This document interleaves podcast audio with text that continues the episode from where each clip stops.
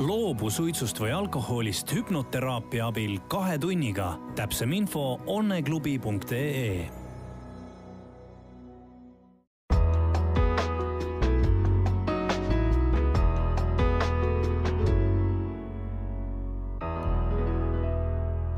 tervist teile, head kuulajad! Te kuulate taskuhäälingu saadet Tervist. minu nimi on Aive Mõttus, olen Maalehe ajakirjanik ja tervisetoimetaja tänases saates on mul külas ühe huvitava elukutse esindaja ja selleks on hüpnoterapeut Margus Pariots organisatsioonist Õnneklubi, tere! tere!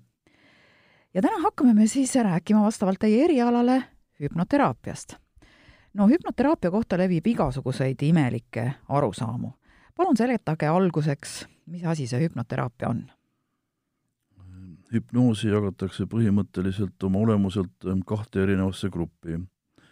ehk et on olemas lavahüpnoos ja hüpnoteraapia. aga neid mõisteid ja tegevusi aetakse omavahel tihti segamini. lavahüpnoosi all viiakse inimesega läbi ekstreemseid muudatusi, mis on siis kas õudsed või naljakad. näiteks üks klient ütles mulle, et ta ei julge teraapiasse tulla, kuna kardab, et ma moondan ta jäneseks, nagu Marissa seda oma saates tegi teiseks näidatakse filmides imelikke asju ja õudsaid asju, mis ei ole tegelikus elus võimalikud. näiteks keegi pööritab silmi ja hakkab üle kere värisema. see ei ole hüpnoteraapia ajal võimalik. sealt siis ka need imelikud arusaamad hüpnoteraapia kohta ongi tekkinud. et hüpnoteraapia ei sisalda ise mitte midagi sellist ja seetõttu võib julgelt meie juurde tulla mõiste hüpnoteraapia on liitsõna, mis viitab sellele, et teraapiat tehakse hüpnoosi ehk transiseisundis. hüpnoos on kunstlikult sõnadega ette kutsutud eriline meeleseisund, kus inimese keha on sügavalt lõdvestunud ja ei liigu enam, just nagu magamise ajal. aga mõte veel liigub nagu ärkveloleku ajal, kuid tavakiirusest aeglasemalt hüpnoosi ajal puuduvad inimesel emotsioonid, sest ka näolihased on lõtvunud ja need ei liigu. ja kui inimene on hüpnootilises seisundis, siis on ta väga vastuvõtlik kõikidele teraapia viisidele ja sisendusele, mis terapeut temaga läbi viib. ehk et tema alateadvus on avatud ja kogu tähelepanu on koondunud terapeuti sõnadele ja lausetele. näiteks kui tavaseisundis on uue võõrkeelse sõna meeldejätmiseks vaja seda sõna korrata vähemalt kaheksa korda, siis hüpnoosiseisundis piisab meelde tuletamiseks, meeldejätmiseks ainult ühest korrast. ja sama kiiresti toimuvad ka kõik muud sisendused ja muutused ajus. ka käitumis- ja sõltuvusmustrite muutumine toimub hüpnoosi ajal kuni kakskümmend korda kiiremini kui jututeraapiaga.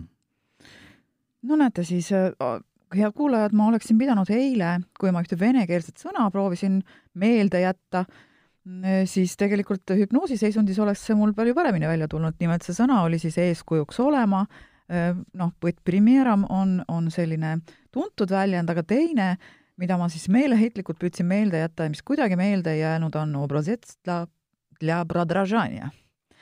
nii, aga räägime siit vene keele juurest, läheme edasi sellega, et rääkige meile, Margus, mis inimesega hüpnoteraapia seansil toimub? kas inimene jääb magama või on ta ärkel? magama ei tohi jääda. inimene istub või lamab seansi ajal rahulikult ja liikumatult. kogu tähelepanu on koondatud terapeudi sõnadele. kui terapeut tegeleb seansi ajal inimese hirmude või sõltuvuste lahendamistega, siis tekivad uued neuronühendused aju erinevates piirkondades ja kui uued neuronühendused ehk käitumismustrid on tekkinud, siis vanad ühendused hakkavad lagunema, kui need enam ei kasuta. no selge värk, aga, aga ikkagi, kuidas on omavahel seotud hüpnoteraapia ja sõltuvusest vabanemine või siis vabastamine mm? -hmm. kuna sõltuvus ajub, asub ajus kahe kõrva vahel, mitte kehas, siis hüpnoteraapia abil on võimalik sõltuvusest vabaneda kõige paremini sõltlasel endal on väga raske sõltuvusest vabaneda, sest see vana neuronühendus ehk käitumismuster tuletab inimesele pidevalt meelde, et nüüd on paras aeg kas suitsu teha, alkoholi tarvitada või narkootikumide tarvitada. ja kui sõltuvuses olev inimene jätab sõltuvusaine tarvitamata, siis ta tunneb ennast väga ebamugavalt, ehk et tal tekivad ärajääma nähud, mida saab ainult selle sõltuvusaine tarvitamisega uuesti leevendada. Ja nii võib inimesel tekki-, tekkida uskumus, et ta ei saa sõltuvusest enam mitte kunagi lahti. aga hüpnoteraapia aitab inimesel sõltuvusest vabaneda, ehk et teraapia tulemusel tekib inimesel usk ja veendumus, et ta on julge ja tugev ja et ta saab ilma sõltuvusaineta elada. inimesed teevad otsuse loobuda sõltuvusest juba teraapia ajal. peale otsuse tegemist me võtame inimeselt ära ka tungi sõltuvusaine või sõltuvustegevuse järele. siis me viime ta mõttes ja laseme tal endal kirjeldada, milline näeb välja tema tulevik ilma sõltuvusaineteta ja teraapia lõpuks kaob inimesel igasugune huvi ja vajadus sõltuvusainete järele. mõnel inimesel läheb sõltuvus kohe meelest ära, sest on väga vast-, vastuvõtlikke inimesi, aga mõnel läheb kolm päeva aega. no mõlemad juhud tegelikult, kas kohe sõltuvusest vabanemine või siis ka see, et kolm päeva võtab aega, on ju tegelikult päris kiire, kui vaadata seda, kuidas näiteks suitsetamisest loobujad selle vahe vahest loobumise käes vaevlevad. aga kas see meetod sobib äh, kõigile sõltlastele, äh, kes on otsustanud sellest sõltuvusest äh, vabaneda? Ja, ja räägime natuke ka sellest, mis see sõltuvus üldse on, mis, mis meie ajus toimub ja,. jaa. et see sama meetod sobib kõikidele sõltlastele, ainult et teraapiaeelsel päeval peab olema kindlasti kaine ja samal päeval ka. et äh, mis ajus toimub? ajus lihtsalt äh, selle teraapiaprotsessi käigus äh, seal on mitmeid eritehnikaid, katkestame selle vana sõltuvuskäitumusliku suhte, et kui inimene teatud triggerite ajal näiteks peale sööki paneb käe tasku ja tahab suitsetada, siis peale seda seanssi tal ei tule see äh, suitsetamine meeldegi, et, et vana käitumismuster lihtsalt kaob ära ja me asendame selle uuega, ehk et ta teeb ükskõik mida muud, aga ei tee suitsu, äh, alkoholi ega nikotiini. aga ma mõtlen selle, mis ajus toimub all natukene rohkem seda, mida see sõltuvusaine meiega teeb, seal on üks niisugune äh, mediaator nagu dopamiin, kuidas, kuidas see ja sõltuvus omavahel seotud on mm? -hmm. on otseselt nii seotud, et äh, iga meeldiv tegevus, näiteks kas äh, äh, no kui sa võidad mingisuguse olümpiaadi või saad mingi töö tulemusega hakkama äh, või äh, mida iganes sa teed hästi, Äh, siis on ajul äh, selline preemiasüsteem, mis vallandab peale seda head äh, tunne, head mõtet, oh, ma sain hakkama, kohe sellise mediaatori nagu hormooni dopamiin. aga samas annavad ka nikotiin, alkohol ja narkootikumid selle dopamiini laksu palju rutem kätte.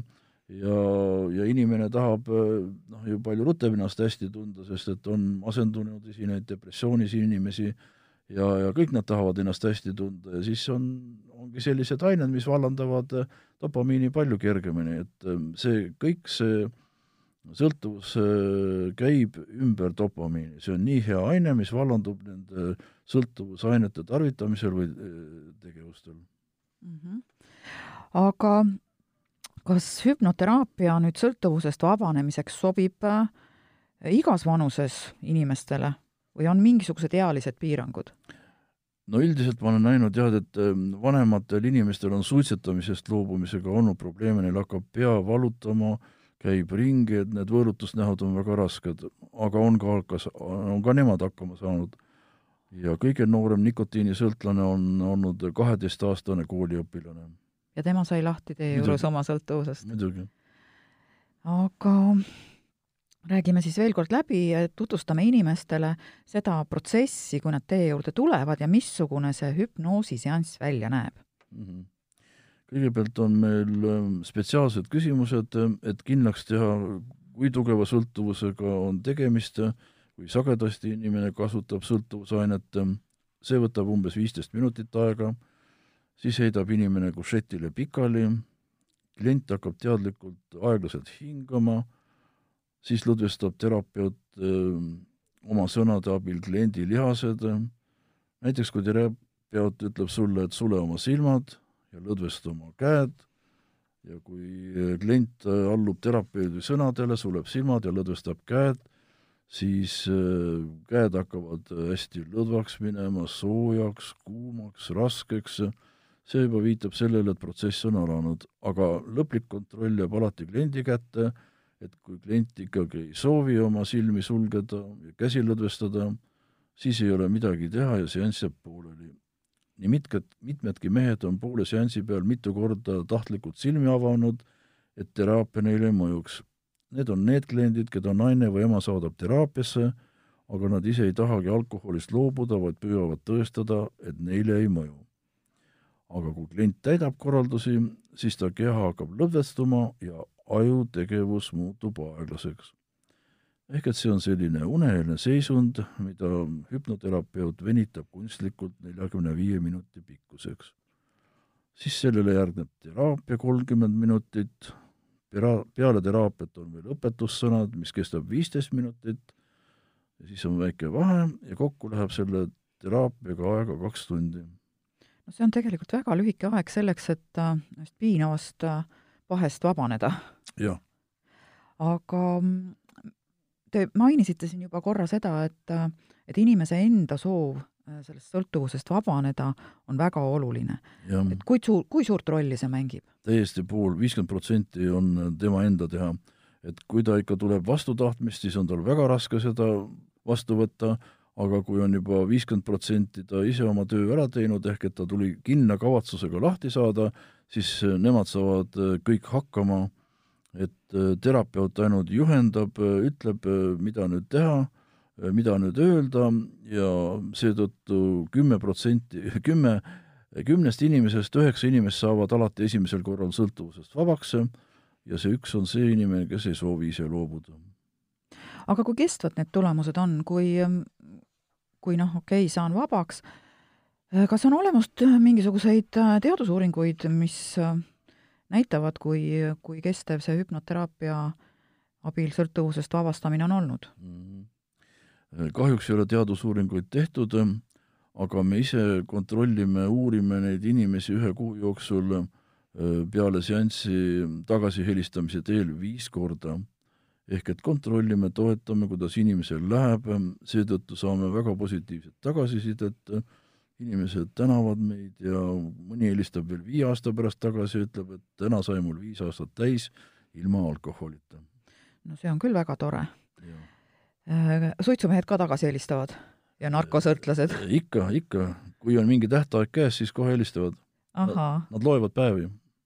ahaa, vot väga oluline jälle selline väike faktike. aga nüüd, kui inimene äh, koju läheb, kas ta ise peab ka midagi veel lisaks tegema sellele, mis teie äh, temaga tegite seal hüpnoosiseansi ajal? enne ei pea midagi tegema, lihtsalt üks päev peab kaine olema ja peale seda lihtsalt ei tohi esimest suitsu teha, see on kerge kusjuures, või esimest pitsi, siis ei tule teist ja kolmandat. et kerge, äh, te ütlete, et see nagu kerge on hoiduda esimesest pitsist ja, ja. esimesest suitsust pärast seda jah, peale seanssi, jah, just nii. ahah. aga äh, tuleme veel korraks tagasi ka, ka selle juurde, kes üldse tohib hüpnoosiga tegeleda. no on ju, on ju palju äh, soolapuhujaid, kes äh, lihtsalt töötavad selle põhimõttega, et äh, võtame lollidelt nende raha ära, aga kuidas üks inimene, kes tõesti tahab oma sõltuvusest vabaneda, vahet teha, siis kvalifitseerit-, saab vahet teha kvalifitseeritud hüpnotisööril ja, ja sellel nii-öelda soolapuhujal? hüpnoosiga tohivad tegeleda ainult need inimesed, kes on saanud vastava kolmeaastase erialase koolituse. minu teada on Eestis hüpnoteraapia koolitusluba ainult äh, haridusministeeriumi poolt välja antud äh, transpersonaalse psühholoogia ja hüproteraapia erakoolile Teadlik mina. ja kõik meie kolm mm, Õnneklubi hüpnoterapeuti ehk mina, Diana Kurimski, Anna-Liisa Jaakson oleme selle kooli haridusega. Äh, kuidas inimesed teid üles leida võivad? Kust nad otsima peaksid teid? lihtsalt guugeldada onneklubi.ee või siis suitsetamisest loobuma, loobumine või alkoholist loobumine, Google on kõige asjalikum meetod selleks. ja kus te asute? mina asun Tartus, võtan Märjal vastu, Anna-Liisa võtab Tallinnas vastu Herne kaks ja Diana võtab vastu nii Tallinnas kui Pärnus Rüütli kolmkümmend seitse no siis on tegelikult ju päris Eesti üsna, üsna kaetud äh, teie teenusega, nii et kes tõesti südames tahab sõltuvusest vabaneda, see leiab äh, teid üles ja mitte väga kaugel oma kodust. aga kui palju äh, teie teenus maksab ja kas inimene saab, peab selle oma taskust kinni maksma või on tal võimalik kusagilt ka mingisugust toetust taotleda? teenus maksab kakssada eurot. See on umbes kas ühe kuu suitsu, narkootikumide või alkoholiraha ja kahjuks peab isim-, inimene ise selle teenuse omast taskust kinni maksma, sest öeldakse, et sõltuvus on ise tehtud haigus. ja seetõttu Haigekassa neid ei toeta. aga kuna me teame, et osa elanikkonnast on äh,, ei ole nii suure sissetulekuga, siis me oleme teinud kõikidele pensionäridele ja puuetega inimestele viiskümmend protsenti soodustust, ehk nendele maksab sõltuvusest loobumine sada eurot. kui palju teil kliente aasta jooksul käib umbes? oskate kolm, öelda? kolm tükki päevas, korrutada nüüd äh, kolmega, teid on kolm? jah, umbes üheksa ja palju tööpäevi aastas on? vot tööpäevade arvu ma tõesti ei teagi, aga, aga no igatahes üsna palju. on. et äh, tegelikult paras äh, hulk inimesi käib teie juures ja noh, see näitab ka seda, et, et neid, kes, kellel on mingisugune sõltuvus, olgu see siis nikotiinist, alkoholist või või narkootikumidest või ka äh, mängurlusest näiteks, et neid on meie hulgas ikkagi päris palju. Äh, aga mida te saate lõpetuseks raadiokuulajatele äh, veel soovitate? et ähm, sõltuvus on selline protsess, mis pidevalt süveneb.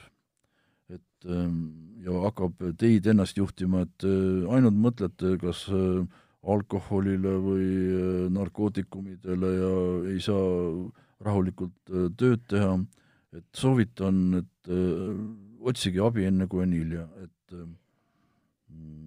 ärge lükake seda edaspidi, edaspidiseks tänast homsele, homselt ülehomsele, sest ise teate, kui palju inimesi on hukkunud. liikluses on ju politsei väljakutsed kõige suuremad on alkoholi tarvitamise tõttu tekkinud tülid, avariid, taplused, kaklused tõesti, selle, selle väitega ma olen nõus, et ärge laske, head kuulajad, oma sõltuvusele ennast juhtida ja näiteks alkoholisurm võib tulla rutem, kui te arvata oskate ühel ilusal hommikul kõva pohmelli ajal.